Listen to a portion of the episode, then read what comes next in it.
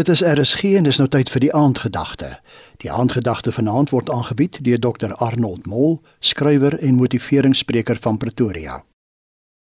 Goeienaand.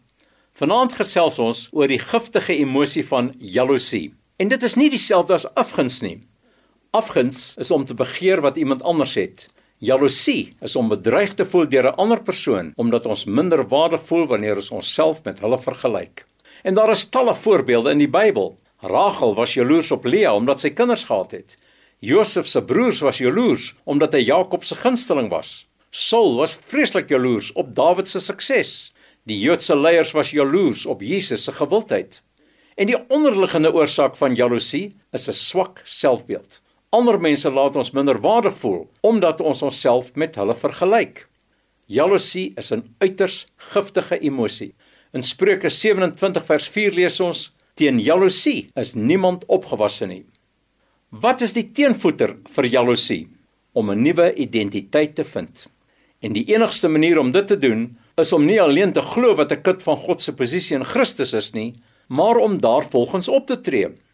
Wanneer ons ons vertroue in Jesus plaas as ons persoonlike saligmaker, kom die Heilige Gees in ons woon en dan kry ons 'n nuwe natuur.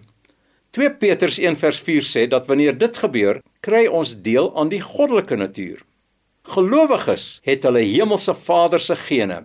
Nie alle mense het dit nie, slegs die wat gebore is uit die Gees van God. Ons word nuwe mense.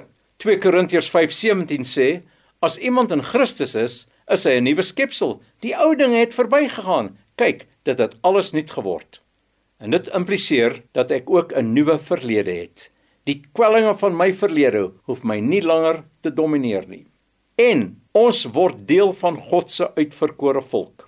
Efesiërs 1:4 sê hy het ons uitverkies voor die grondlegging van die wêreld om heilig en sonder gebrek voor hom in liefde te wees. Dit laat my baie spesiaal voel dat hy my uitverkies het. En nie dit alleen nie, hy het my aangeneem as sy erfgenaam, want die volgende vers sê dat hy ons voorbeskik het om ons as sy kinders vir homself aan te neem. Ons dink prins William het hoë status, toekomstige koning van Brittanje, maar ek het hoër status as hy, want ek is 'n kind van die koning van konings. En hoe meer ek myself so sien, hoe meer wil ek so optree. Besef jy regtig wie jy is as kind van God? Ons identifikasie met Jesus is so intiem soos die verhouding tussen twee huweliksmaats. Om 'n goeie selfbeeld te hê, beteken nie dat ek dink ek is beter as ander mense nie. Dit beteken eenvoudig ek kan goed voel oor my en ek kan goed voel oor jou en daar hoef geen vergelykings te wees nie.